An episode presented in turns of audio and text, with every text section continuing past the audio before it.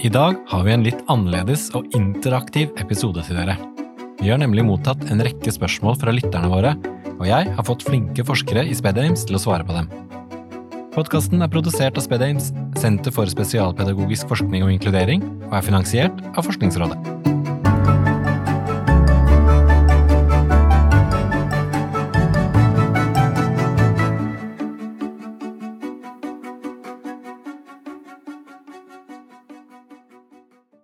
Velkommen til spesialpedagogisk spørretime med SpedAmes. Da vi ba dere om å sende inn spørsmål til podkasten vår, kom det inn mye forskjellig. Derfor passer det perfekt at nesten alle forskerne i SpedAmes nå er samlet på et seminar i Bergen. Jeg har fått låne meg et lite møterom her på universitetet, og i løpet av episoden skal forskere fra hele landet komme innom for å svare på spørsmålene dere har sendt oss.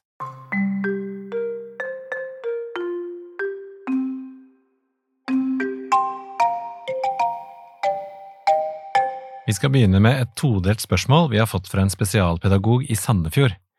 De som får gleden av å svare på dette, er Monica Melby Lervåg, professor i spesialpedagogikk ved Universitetet i Oslo, og Odny Solheim, professor i spesialpedagogikk ved Universitetet i Stavanger. Det første går til deg, Monica. Jeg har lest at det finnes ulike dataprogrammer som kan trene hjernen og hukommelsen, og på den måten nærmest kurere vansker som dysleksi og ADHD. Hvorfor brukes ikke sånne verktøy i spesialundervisning? Det er nok flere grunner til at de ikke brukes, men en viktig grunn til at de ikke bør eh, brukes, det er at eh, forskning viser at eh, sånne programmer har effekt på akkurat det man trener på, eksempel at man kan huske kanskje rekke metall litt bedre, eller, eller eller bilder, men det har ingen overføringseffekt til det som elever med lærevansker strever med. Sånn at, eh, at, eh, det har liten effekt eh, når det gjelder å hjelpe elever med lærevansker med det de strever med. Og det er også veldig usikkert om det faktisk har effekt på hukommelse, eller om man bare blir rett og slett flinkere til å løse hukommelsesoppgaver. Fordi at hvis man f.eks. blir bedt om å huske en tallrekke, eh, 2, 5, 3, 7, eh, 9, 8, så er den mye lettere å huske hvis man eh, eh tenker i bolker 25, 37, 98. Og hvis man gjør, blir utsatt for sånne oppgaver mange ganger, så lærer man seg sånne strategier. Eh, og det betyr ikke at hukommelsen blir bedre, men det er bare strategiene til å løse hukommelsesoppgaver som blir bedre. Og det har heller ingen overføringseffekt til verken oppmerksomhet, eh, nonverbal problemløsning, språkferdigheter osv., som er typisk det som elever med lærevansker strever med. Eller lesing og matematikk, for den saks skyld. Og så spør han videre til deg, Odny. Jeg har også sett at noen bruker synstrening mot dysleksi. Hvordan funker det? Ja, det er ikke grunn til å tro at synstrening virker for å hjelpe elever som strever med dyslektiske vansker. Det er klart det at det å sjekke synet Hvis du har, hvis du har en elev som begynner å streve med lesing og skriving, så er det naturlig å sjekke eh, synet til eleven og, og sjekke om, om, det kan være noen utfordringer med syn, og om dette kan korrigeres med briller, f.eks., eller sånne ting. Men når det gjelder dyslektiske vansker, så er jo det en språkvanske først og fremst, og det er det stor enighet om i forskningsfeltet. Eh, men det er veldig mange som er usikre på dette, og jevnlig så kommer det opp eh, enkeltstudier eller eh, kanskje spesielt hjelpemidler. Det dukker opp øyetreningsprogrammer, eller det dukker opp tips om at man kan bruke farga linser eller farga overlays eller den typen ting, og at det skal hjelpe elever som strever med lesing og skriving. Men vi har ingen forskning som kan vise at det har noen effekt for elever som har dyslektiske vansker. Det er tvert imot sånn at hvis en skal bli forbedre lese- og skriveferdighetene sine, så må man lese og skrive. Er det et eh, sterkt press fra kommersielle aktører når det gjelder hjelpemidler og tips og triks innen lesing og skriving? Ja, det dukker jevnlig opp, eh, og utfordringen med det, det er jo at eh, de som strever med for eksempel lesing og skriving, er jo Altså, det er jo ofte en litt sårbar gruppe, og foreldre for eksempel vil jo ofte gjøre alt de kan for å hjelpe elever, elever som strever.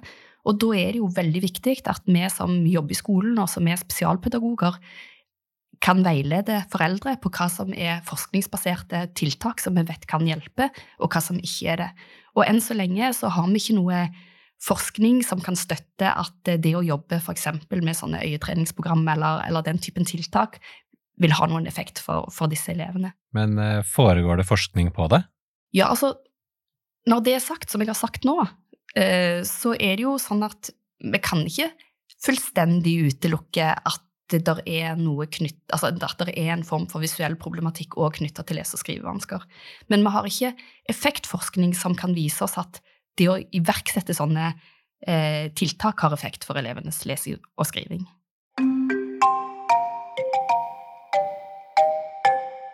Den neste innsendelsen handler om forskning, og for å svare på den har jeg fått inn Vibeke Rønneberg, førsteamanuensis ved Lesesenteret på Universitetet i Stavanger. Spørsmålet lyder som følger. Jeg er lærer og spesialpedagog på en skole og er opptatt av gode tiltak som virker. Jeg ser ofte at man snakker om noe som heter RCT-studier som en gullstandard, det beste for å finne ut hva som fungerer. Hva er det egentlig, og hvorfor er disse studiene så bra? Ja, en RCT-studie eller randomisert kontrollert utprøving kalles ofte for gullstandarden. Det er fordi det regnes som den aller beste metoden for å undersøke om et tiltak har effekt, altså om det virker. Og det som gjør en RCT så bra, det er nettopp det at den er kontrollert og randomisert. Kontrollert og randomisert, det må du nesten utdype litt. At den er kontrollert, det betyr at man tester ut et tiltak i én gruppe, og så sammenligner man med en annen gruppe, en kontrollgruppe, som ikke mottar tiltaket. Og ved at bare den ene gruppen får tiltaket, så kan den andre gruppen fungere som en kontroll. Da kan man undersøke om gruppen som fikk tiltaket, har utbytte av dette sammenlignet med de som ikke fikk det. Og så var det det med randomisert. At studien er randomisert, betyr at det er tilfeldig hvem av deltakerne i studien som kommer i tiltaksgruppen, og hvem som kommer i kontrollgruppen. Det kan f.eks. avgjøres ved en form for loddtrekning. Og alle deltakerne skal ha like stor sjanse til å havne i tiltaksgruppen som i kontrollgruppen. Poenget med denne randomiseringen er å oppnå for tilfeldig fordeling av deltakerne. Og da er målet at eventuelle andre ting som kan tenkes å påvirke utviklingen, blir tilfeldig fordelt mellom gruppene. Og hvis man får til at gruppene er mest mulig like før tiltaket settes i gang, så vil forskjell mellom gruppene etter tiltaket kunne si noe eh, om hvor godt dette har virket, altså effekten av tiltaket. Og sånn kan en RCT hjelpe oss med å finne gode tiltak som virker.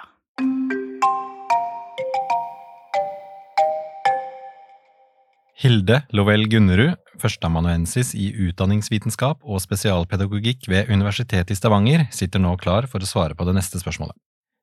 Det kommer fra en mamma i Rogaland som er litt skeptisk til en av forskningsprosjektene våre. Hun spør. Jeg har fått spørsmål fra barnehagen til datteren min på fire år om å bli med i Spedheims kohortstudien deres. Kan dere forklare meg hvorfor jeg burde gjøre dette? Hva godt kan komme ut av å kartlegge ferdighetene til så små barn? Det er et veldig spennende spørsmål. Men det korte svaret er at det kan bidra med mer kunnskap som kan gjøre barnehagehverdagen bedre for flere barn, men òg mer kunnskap som kan gjøre at vi kan så tidlig som mulig identifisere barn som trenger hjelp på skolen.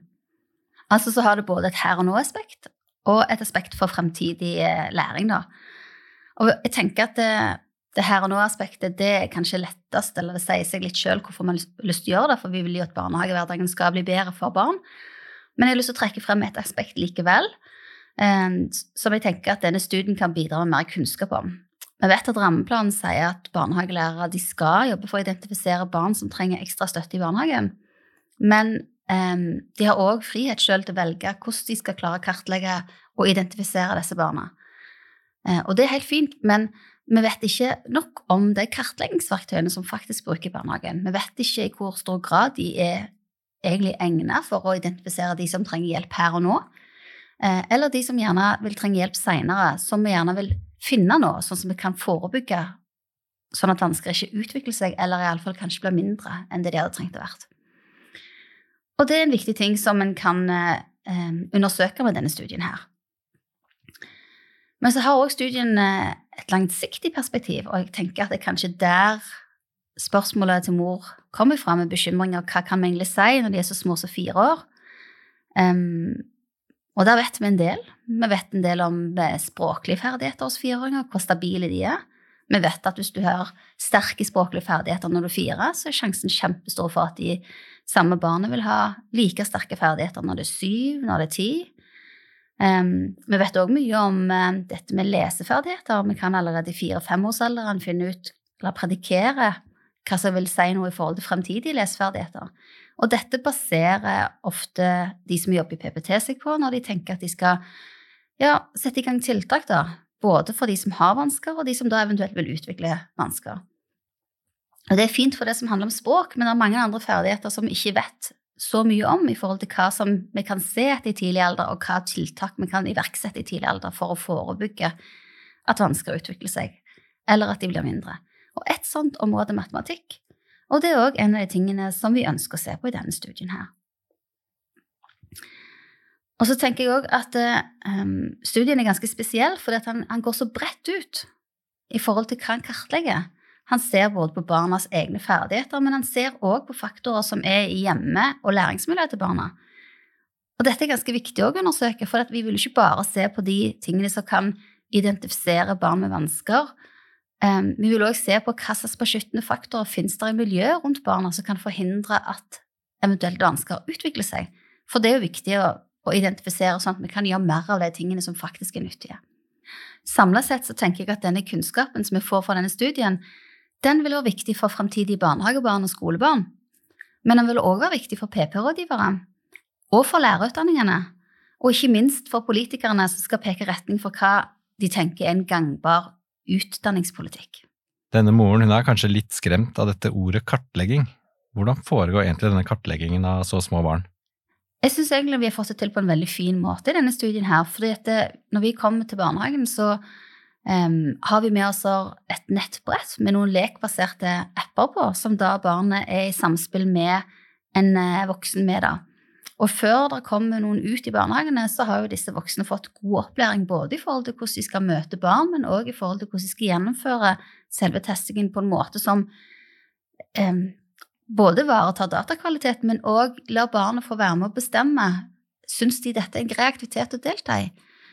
For til syvende og sist er det jo det er greit at foreldrene skal um, Foreldrene vil jo godkjenne at vi får møte barnet, men barnets stemme i dette har også masse å si.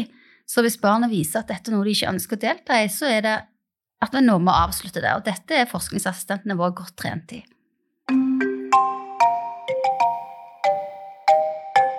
Nå har jeg fått besøk av Karianne Bottegård Næss. Hun er professor i spesialpedagogikk ved Universitetet i Oslo, og hun leder flere forskningsprosjekter med fokus på utviklingshemming. Velkommen til deg. Tusen takk. Du skal få lov til å svare på et spørsmål om skolestart og det kommer fra en mor i Trondheim. Hun sier, Jeg har en datter på fem år med Downs syndrom, og hun skal etter planen begynne på skolen høsten 2024, men vi lurer litt på om det hadde vært lurt å vente et år og søke om utsatt skolestart. Hva sier forskningen om dette? La meg først eh, starte med å si at opplæringsloven paragraf 2-1 eh, sier at alle barn har eh, krav og rett på opplæring fra det året de fyller seks år. Eh, når det er sagt, så kan man på bakgrunn av en sakkyndig vurdering og foreldrenes samtykke søke om et år utsatt skolestart. Det er ikke så veldig mange som gjør det. Vi har en norsk studie fra 2017 som viser at ca. 0,6% av elevene har utsatt eh, skolestart. Når det er sagt, så finnes det jo en del internasjonale studier Eh, som har sett på effekten av utsatt eh, skolestart. Blant annet så er det gjort noen amerikanske studier som har sammenligna eh, det å være igjen et år i barnehagen versus å starte på skolen. Og der konkluderes det med at man vil anbefale å starte skolen ved første mulighet. Eh, fordi de ser at det prioriteres i større grad dette med tidlig innsats, og barna får mer systematisk opplæring i skolen. Og da kanskje også større grad av systematisk oppfølging av sine utfordringer. Men bildet er ikke så enkelt. Det finnes andre studier som eh, har helt motsatt eh, konklusjon, som anbefaler å utsette skolestarten fordi det kan gi en ekstra boost når ungene begynner på skolen faglig sett. Ehm, det som er på en måte kanskje litt kritisk med de studiene som finner en god effekt med en gang, det er at den effekten ser ut til å forsvinne i løpet av eh, de første skoleårene. Sånn at når, har, eh, når barna har gått noen år på skolen, altså to–tre år på skolen, så ser det ut som om all den boosten og den, den eh, gode starteffekten som barna fikk ved å utsette skolestarten, den er borte. Eh, og på bakgrunn av på en måte et kontroversielt felt og mye uenighet eh, rundt om dette lønner seg eller ikke lønner seg, så er det vanskelig å komme med et en god anbefaling. Jeg tror det vi, vi kanskje må vektlegge, det er at det er forskjellige aspekter eh, som må tas hensyn til når man ser på hva som er barnets beste. Det ene er selvfølgelig det med faglig utbytte, som veldig mange er opptatt av. Eh, noe som er minst like viktig, er jo det sosiale, hvordan dette fungerer. Eh, det funksjonelle, eh, man har det motoriske. Altså, barn på veldig mange områder, og, og det er viktig å vurdere helheten når det er snakk om eh, tidspunktet for, eh, for, skolestart. Så er det også gjort noen studier som, som, på en måte har sett på hva er det som er viktig, uavhengig av når barnet velger å begynne, eller de, voksne velger at barnet skal begynne, så handler det om, om hva er det som gir en god skolestart. Eh, og, og, da finner man i, i flere studier at det er viktig at barna er trygge i overgangene. Ungene sjøl, de vil kjenne reglene, de vil få ha en forståelse av disse reglene som gjelder på skolen, og de vil ha venner. Eh, og så er det studier som viser at der hvor foreldrene er trygge på overgangen mellom barnehage og skole, så får ungene gjerne en bedre sosial start eh, på skolehverdagen. Sånn at det, Eh, det er ikke ett enkelt element som må vurderes når man skal se på eh, tidspunktet for skolestart, men det er en helhetlig vurdering som må gjøres i samarbeid med eh, foreldrene og ikke minst barnet. Og jeg tenker at en, et eventuelt ønske må da komme fra foreldrene, sånn, sånn som de foreldrene i dette tilfellet kan ytre et ønske dersom de mener at det er til det beste for sitt barn.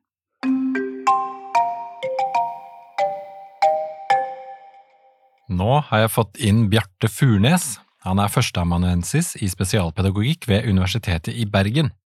Han skal få svare på et spørsmål fra en lærer ved en barneskole i Oslo. Hun spør Stemmer det at de som snakker tyrkisk og finsk, som er lydrette språk, har mindre dysleksi? Eh, det er et veldig godt spørsmål. Men før vi skal prøve å svare på det, så har jeg lyst til å si litt om hva er det som på en måte, hva betyr dette her med at språk er mer eller mindre lydrette. Eh, lydrette språk det handler om egentlig at det er et relativt høyt samsvar mellom de bokstavene som inngår i ord, og de lydene som settes sammen når et ord skal uttales.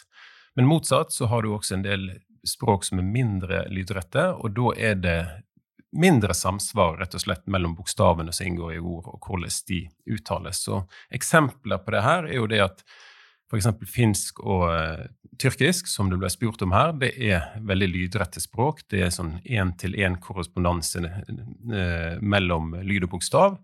Uh, engelsk, dansk, faktisk, fransk, det er eksempler på språk som er mye mindre lydrette. Og så har du tysk, svensk, norsk. Det er språk som vi ser på som såkalt eh, altså semitransparente, midt imellom lydrette og ikke-lydrette språk.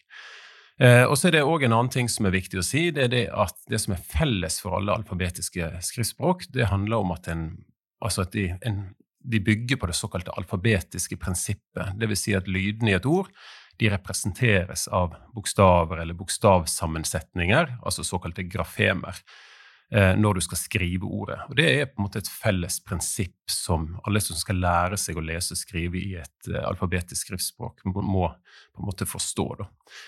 Eh, og så er det gjort etter hvert en del studier der en har sammenligna leseferdigheten og leseutviklingen til elever med normale leseferdigheter. Og det en ser da, det er det at leseutviklingen den går litt saktere eh, i språk som er ikke lydrette. Eh, og det er jo egentlig logisk at det er sånn. Sant? Det at et skriftspråk er relativt lydrett, det er høyt samsvar mellom bokstav og lyd, det gjør jo også at det er, det er mer logisk og det er lettere å lære seg. Så når en har gjort en del studier der en har sammenligna skriftspråkutviklingen, så ser en det at dess mer lydrett språket er, dess fortere går leseutviklingen. Eh, og så når det gjelder dysleksi, så er jo det slik at der finnes det studier som har sett på finsk, det er studier som har sett på tyrkisk, og en har sammenligna med også andre mer lydrette språk, og sammenligna det med språk som er mindre lydrette. Eh, og det en ser det der, det er det at når det handler om dysleksi, så er jo det ofte altså er jo utfordringen dette her med å lære seg å lese teknisk, altså automatisere de ferdighetene her. Eh, og det en ser, det er det at dess, mer, dess mindre lydrett språket er, dess mer lesefeil har en i de første årene. Eh, og det ser ut som om elever med dysleksi ikke har like mange lesefeil hvis de eh, lærer seg å lese i et såkalt lydrett skriftspråk.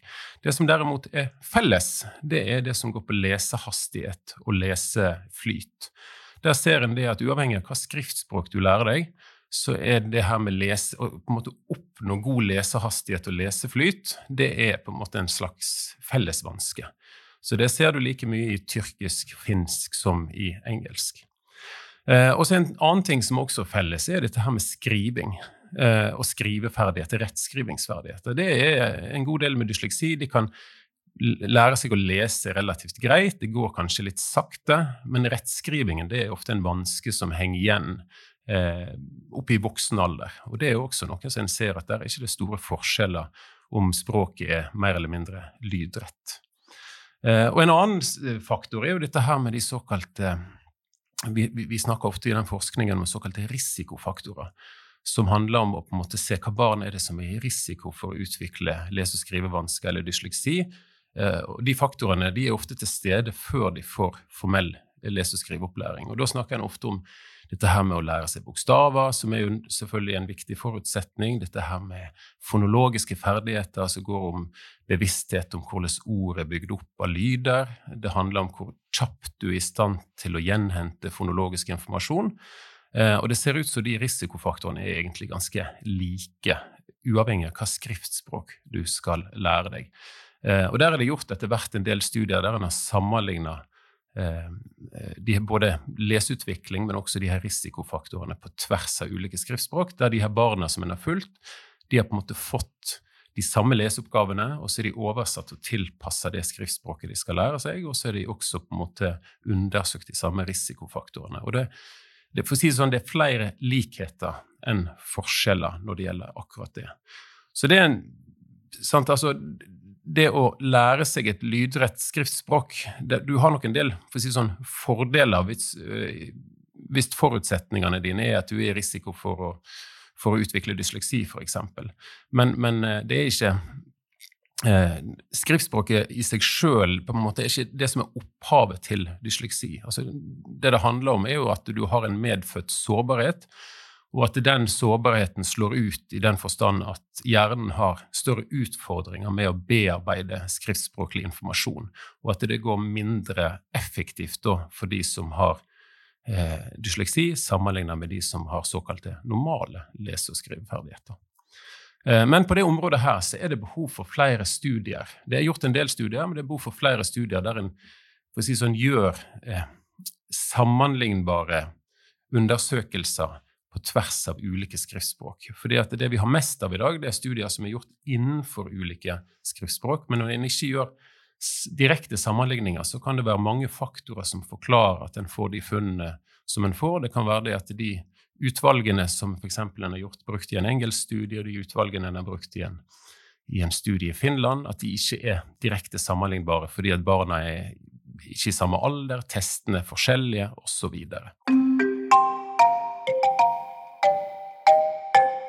For å svare på det neste spørsmålet har jeg fått besøk av Ida Seterskar. Hun er en av stipendiatene i SpedAmes og jobber ved Fakultet for lærerutdanning og kunst- og kulturfag på Nord universitet og hun har bakgrunn fra PP-tjenesten og spesialpedagogisk team. Velkommen til deg. Tusen takk. En pappa fra Bergen spør oss. Datteren vår har språkvansker og vedtak om spesialundervisning, men i praksis deltar hun kun i intensive lesekurs sammen med andre barn som ikke har vedtak. Teller dette som spesialundervisning, og hva kan vi eventuelt gjøre overfor skolen? Eh, det, det her spørsmålet er jo litt sånn vanskelig å egentlig skulle gi et sånn klart svar på. fordi at det vi vet, er at barnet har vedtak, og barnet har språkvansker.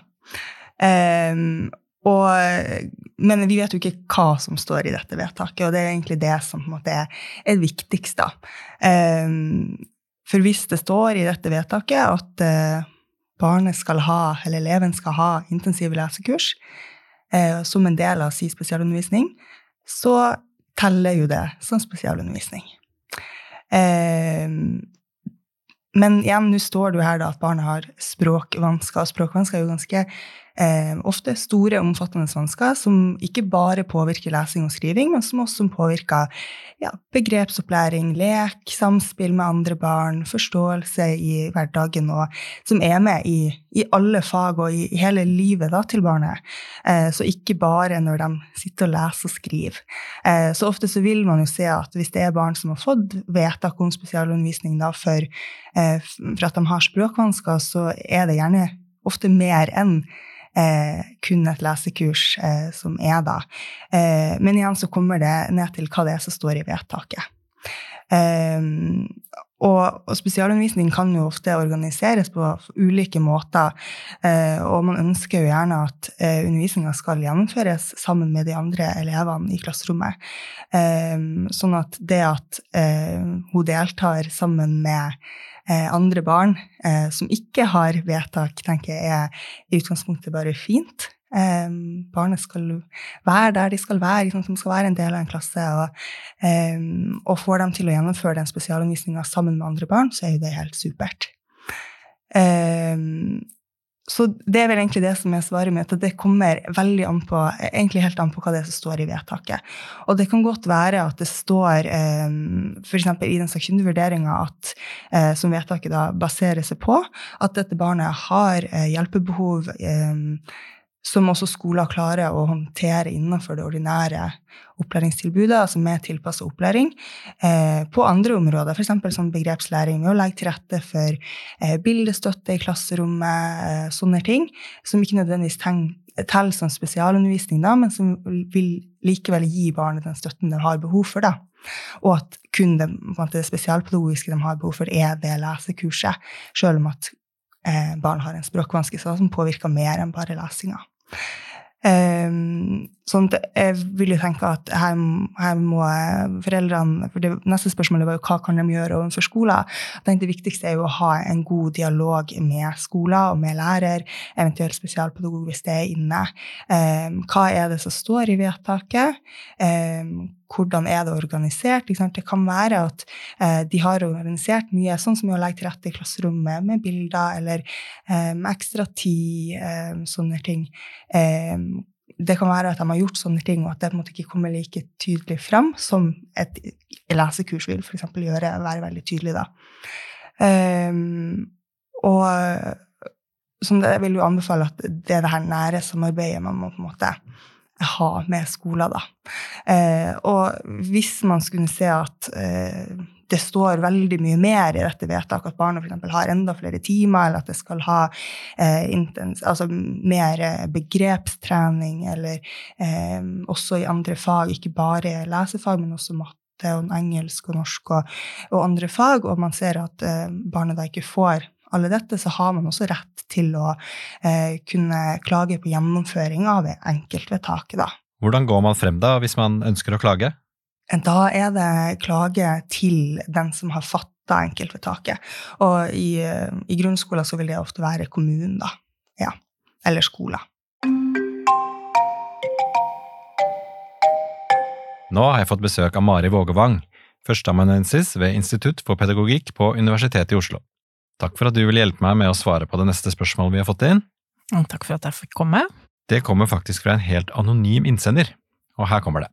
Jeg har hørt at det er vanligere med lærevansker og spesialundervisning blant barn som kommer fra hjem med lavere sosioøkonomisk status.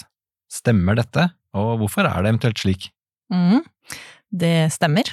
Eh, det er sånn at det er flere barn fra hjem med lavere sosioøkonomisk status som får spesialundervisning. Eh, men det er kanskje flere grunner til hvorfor det er sånn. Eh, den viktigste grunnen er jo kanskje at lav sosioøkonomisk status, da tenker vi jo gjerne på lav inntekt og lav utdanning. Og det at familier med lav utdanning også har barn som har lærevansker eller som trenger ekstra støtte på skolen, er kanskje ikke så overraskende de eh, barna er jo ofte like sine foreldre, i hvert fall likere foreldrene sine enn det de er alle andre, eller mange andre. Og det gjør jo at det å ha lærevansker eller det å ha utfordringer på skolen, det er noe som både kan være arvelig, og som eh, kan være prega av at de vokser opp i et hjem med eh, lav utdanning og ja, de rett og slett eh, trenger det. Eh, og så er det jo den andre delen av det, som ikke handler om at de nødvendigvis trenger det, men at de har Eller at de, ja, det kan godt hende de trenger det, men at det ikke er lærevansken i seg selv som er det som gjør at de lettere får spesialundervisning enn andre, men at de ofte også har andre utfordringer. Eh, for eksempel så er det vanligere også med eh, atferdsvansker eller emosjonelle vansker, som kan gjøre at de lettere oppdages, til de er synligere for læreren i klasserommet, for eksempel. Eh, og det er sånn at selv om akademiske prestasjoner, eller hvordan de gjør det på skolen, forklarer mesteparten av grunnen Altså det er den største grunnen til at barn med lavere sosioøkonomisk status i større grad får spesialundervisning. Men det forklarer eh, ikke alt. Så det er også sånn at hvis man eksempel sammenligner barn fra lav sosioøkonomisk status hjem med barn fra høystatus hjem, så vil det fortsatt være sånn at selv om de har akkurat det samme akademiske utgangspunktet, da, eller samme prestasjoner på skolen, gjør det akkurat like dårlig eller bra, så vil det allikevel være større sannsynlighet for de eh, med lavere sosioøkonomisk status at de får spesialundervisning. Vet man ikke hvorfor? Eh, nei, det kan være sånn som det jeg sa i stad, med at de har andre vansker, ofte også andre vansker. Men hvorfor det er sånn, det er et ganske stort spørsmål som mange forsker mye på etter hvert, men som egentlig ikke har noe sånn 100% sikkert svar på hva det er. Kan det ha noe å gjøre med hvordan de bor og oppfølging av lekser hjemme og sånne ting? Ja, det er en eh, av, en av de tingene man tenker at kan ha en forklaring, og også det at familier med lav sosioøkonomisk status, de kan jo hende at de bor i eh, områder hvor skolene også er, har lavere kvalitet, for eksempel, og at det er med og påvirker barnas læring, da. Eh, så sånne ting er absolutt med å påvirke den forskjellen. Det er dessverre alt vi rekker i del én av vår spesialpedagogiske spørretime. Vi fikk inn utrolig mange gode spørsmål, så følg med for flere svar i neste episode. Tusen hjertelig takk til alle som har sendt inn, og tusen takk til alle forskerne som har bidratt med gode svar. Denne podkasten er produsert av SpedAmes, Senter for spesialpedagogisk forskning og inkludering. SpedAmes er finansiert av Forskningsrådet og er et samarbeid mellom Universitetet i Bergen, Universitetet i Agder, Nord universitet, Universitetet i Stavanger og Universitetet i Oslo. Takk for at du hørte på.